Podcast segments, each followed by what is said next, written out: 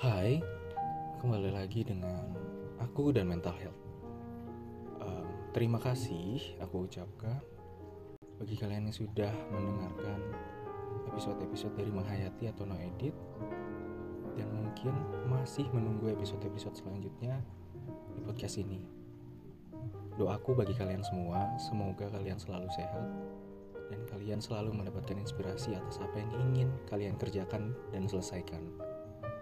Oke, harusnya rekaman ini um, tayang di tanggal 23 Juli hari Sabtu jam 7 malam. Tetapi karena ada masalah teknis di mana background dari um, episode ini terlalu besar sehingga uh, ya mau tidak mau aku harus uh, mengeditnya kembali. Tetapi karena apesnya atau sialnya filenya entah kenapa dia bisa tiba-tiba hilang nggak tahu kenapa dan nggak tahu ke mana ya udah akhirnya aku putuskan untuk rekaman ulang di minggu pagi pukul 8 um, ya ini adalah episode yang menurutku sangat spesial.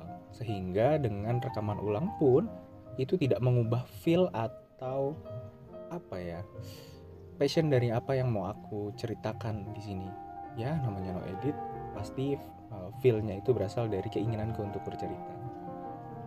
Nah khusus cerita ini itu agak cukup berbeda dari cerita lain di mana cerita ini itu um, adalah cerita yang menurutku sangat um, membekas dalam diri si uh, tokoh utamanya yang nantinya akan aku sebut sebagai lebah madu. Ya uh, bisa dibilang ini adalah cerita di mana ketika si lebah madu ini melihat madu. Jadi dia uh, mencoba pada akhirnya untuk uh, bagaimana bisa mendapatkan madu tersebut. Tapi karena mungkin ada bumbu-bumbu atau bau-bau tragis dari cerita ini, ya dan cerita ini nantinya akan dibagi dua maka di bagian pertama ini aku akan cerita tidak sampai full tentang uh, lebah madu ini dengan seseorang yang nantinya aku panggil kupu-kupu. Oke, kita mulai. Jadi lebah madu ini adalah seseorang yang dulu memutuskan untuk berkuliah di kota yang berbeda dari tempat dia tinggal saat itu. Jadi lebah madu ini uh, bisa dibilang dia tidak memiliki siapa-siapa di kota baru tersebut. Maksudnya ada beberapa teman tapi mungkin tidak ada seanak saudara gitu. Nah, yang pada akhirnya dorongan untuk mengenal orang-orang baru, orang-orang yang sebelumnya tidak pernah dikenal itu lumayan tinggi. Termasuk juga untuk uh, mencari apakah ada momentum untuk si lebah madu ini mungkin bisa menyukai seseorang. Nah, sampailah di mana masa awal-awal dari kampus atau kuliah tersebut diawali oleh sebuah kegiatan yang bernama ya kalian tahu pasti adalah ospek. Nah, di saat si lebah madu ini ikut ospek, matanya itu tertuju dan sering kali curi-curi pandang kepada seseorang perempuan yang tadi ku sebut sebagai kupu-kupu. Ya, kupu-kupu ini adalah seseorang yang bagi si lebah madu lebih bersinar daripada orang-orang lainnya. Jadi ketika si lebah madu ini melihat si kupu-kupu, matanya itu langsung autofokus dan yang lain itu terlihat serasa blur gitu. Ya, ya namanya juga perasaan yang timbul secara tiba-tiba. Bisa dibilang ya saat ini si lebah madu mengalami yang namanya jatuh cinta pada pandangan pertama. Mungkin sampai sini akan ada banyak yang kontra ya. Wah itu bukan cinta, cinta itu kan harusnya kan melibatkan perasaan yang dalam.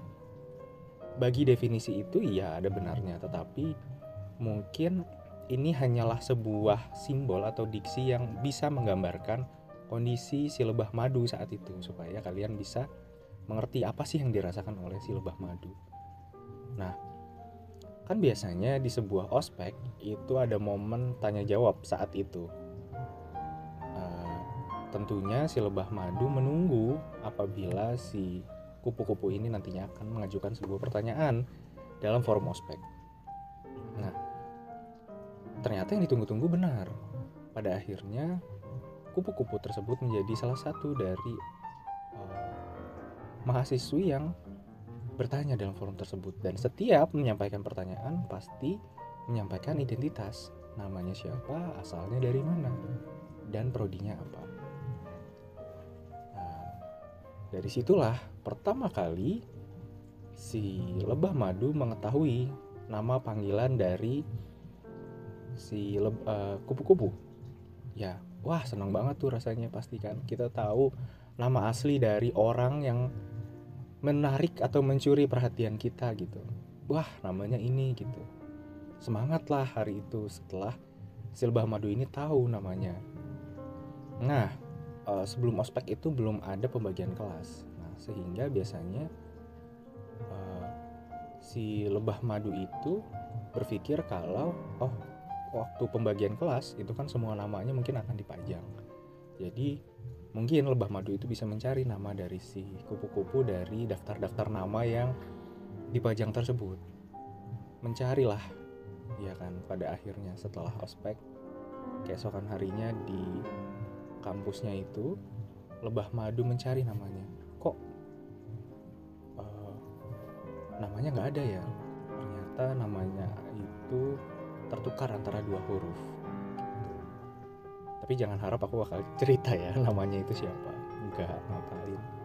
Karena uh, ini juga demi menjaga privasi seseorang yang secara tidak langsung ada dalam cerita ini.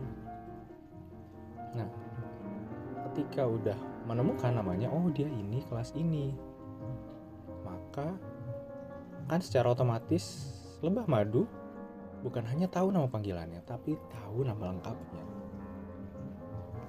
Nah Emang dasarnya si lebah madu ini kepo ya, pengen tahu lebih dalam. Akhirnya lebah madu itu mencoba untuk mencari um, sosial media dari si kupu-kupu. Dia mencari di Google. Uh, by the way, saat itu kupu-kupu adalah seseorang yang berhijab. Ya, dan ketika si lebah madu ini mencari uh, akun sosial medianya, ternyata ia secara tidak sengaja menemukan foto lama dari si kupu-kupu yang tidak mengenakan hijab. Ya, mungkin secara tidak langsung si lebah madu dalam cerita ini dia ingin menyampaikan permohonan maaf baik kepada si kupu-kupu ataupun kepada siapa yang, siapa pun yang mendengar cerita ini karena benar-benar ia tak, uh, tidak sengaja menemukan foto tersebut karena ia hanya mencari uh, akun sosial media yang dimiliki oleh si kupu-kupu berdasarkan nama lengkap si kupu-kupu itu sendiri. Nah, tapi yang aku salut di sini adalah si lebah madu itu cukup merasa bersalah. Bersalah kenapa? Karena uh, kalau foto lama itu bisa diakses di sini dan terlihat oleh dia saat itu, bukankah jika ada orang lain yang menggunakan cara yang sama search nama dari si kupu-kupu itu di Google mesin pencarian maka akan ketemu juga hal yang sama. Oleh karena itu ya saat itu bimbang lah si lebah madu antara perlu nggak sih nyampein itu ke seseorang yang nggak dikenal ya kan? Cuma bermodalkan rasa keponya. Dan lebah madu jelas dong tidak ingin terlihat atau ketahuan keponya saat melihat foto-foto atau waktu mencari akun dari si kupu-kupu. Nah, hari demi hari, minggu demi minggu, hingga berbulan-bulan kemudian, akhirnya berdasarkan kebimbangan dari si lebah madu, ia memutuskan untuk, oke, okay, aku harus sampein ini ke kupu-kupu, bagaimanapun caranya. Nah, tibalah suatu momen di mana um, lebah madu dan kupu-kupu berada pada kelas yang sama dan saat itu sedang menjalani ujian pada kelas tersebut. Sebelum ujian dimulai, lebah madu memberikan sebuah isyarat seperti mengetuk meja dari si kupu-kupu dan dia bilang ingin mengajak uh, berbincang sebentar ketika ujian itu selesai. Nah, uh, jelas dong kupu-kupu pasti akan terlihat seperti orang yang bingung hah kita nggak pernah kenal sebelumnya tapi kok kayak ada hal yang serius yang pengen disampaikan gitu. Dan mungkin kupu-kupu tersebut juga tidak apa ya tidak akan menyangka kalau yang ingin disampaikan adalah tentang foto tersebut. Dan saat itu yang sangat membuat si lebah madu merasa bersalah adalah karena si kupu-kupu itu terlihat sangat lelah. Karena ternyata kupu-kupu ini dia kuliah di di dua tempat yang berbeda. Aku uh, aku nggak perlu jelasin ya seperti apa mekanisme kuliah di dua tempat yang berbeda, tapi mungkin agak sedikit sulit dipahami bagi teman-teman yang pernah kuliah dan kuliah satu itu cukup merepotkan. Tapi itu adalah realita yang terjadi kepada si kupu-kupu ini. Makanya di sini aku sebut dia kupu-kupu lelah. Kupu-kupu yang aku sering kali lihat dia dalam kondisi lelah wajahnya namun tetap terlihat hektik karena ia mengejar banyak mata kuliah dan mungkin pelajaran-pelajaran yang harus dia hadiri. Cukup membuatku kagum. Oke, balik lagi, aku mengajaknya untuk ngobrol di tempat uh, yang cukup private tapi masih umum. Jadi kayak ada di ada sebuah koridor di mana saat itu uh, sangat jarang orang yang lewat situ ada beberapa orang dari jarak yang cukup jauh, mungkin sekitar 5 meter lebih, tetapi di tempat si lebah madu berdiri mengajak kupu-kupu lelah itu untuk berbincang, itu tidak ada orang yang lewat sama sekali. Nah,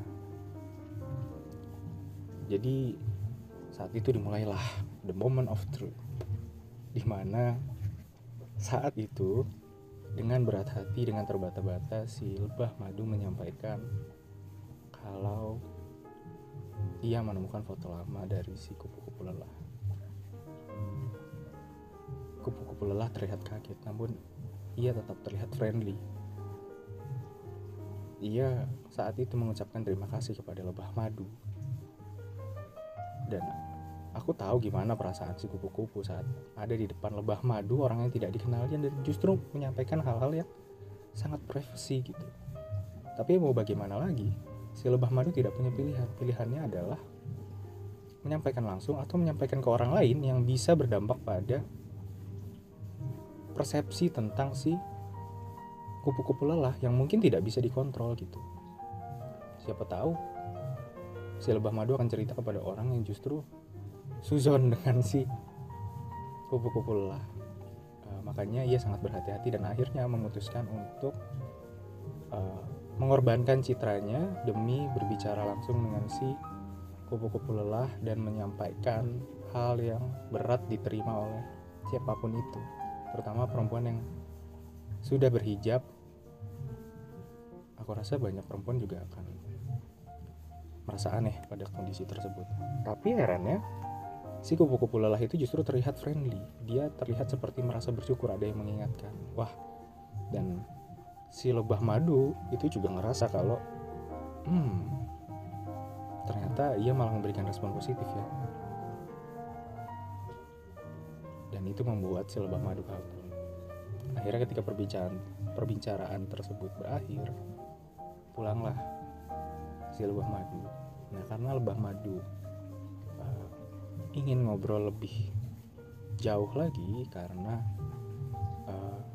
masih belum yakin kalau si kupu-kupu lelah ini sudah memaafkannya, maka di malam harinya, di hari yang sama, lebah madu mencoba untuk menghubungi si kupu-kupu lelah.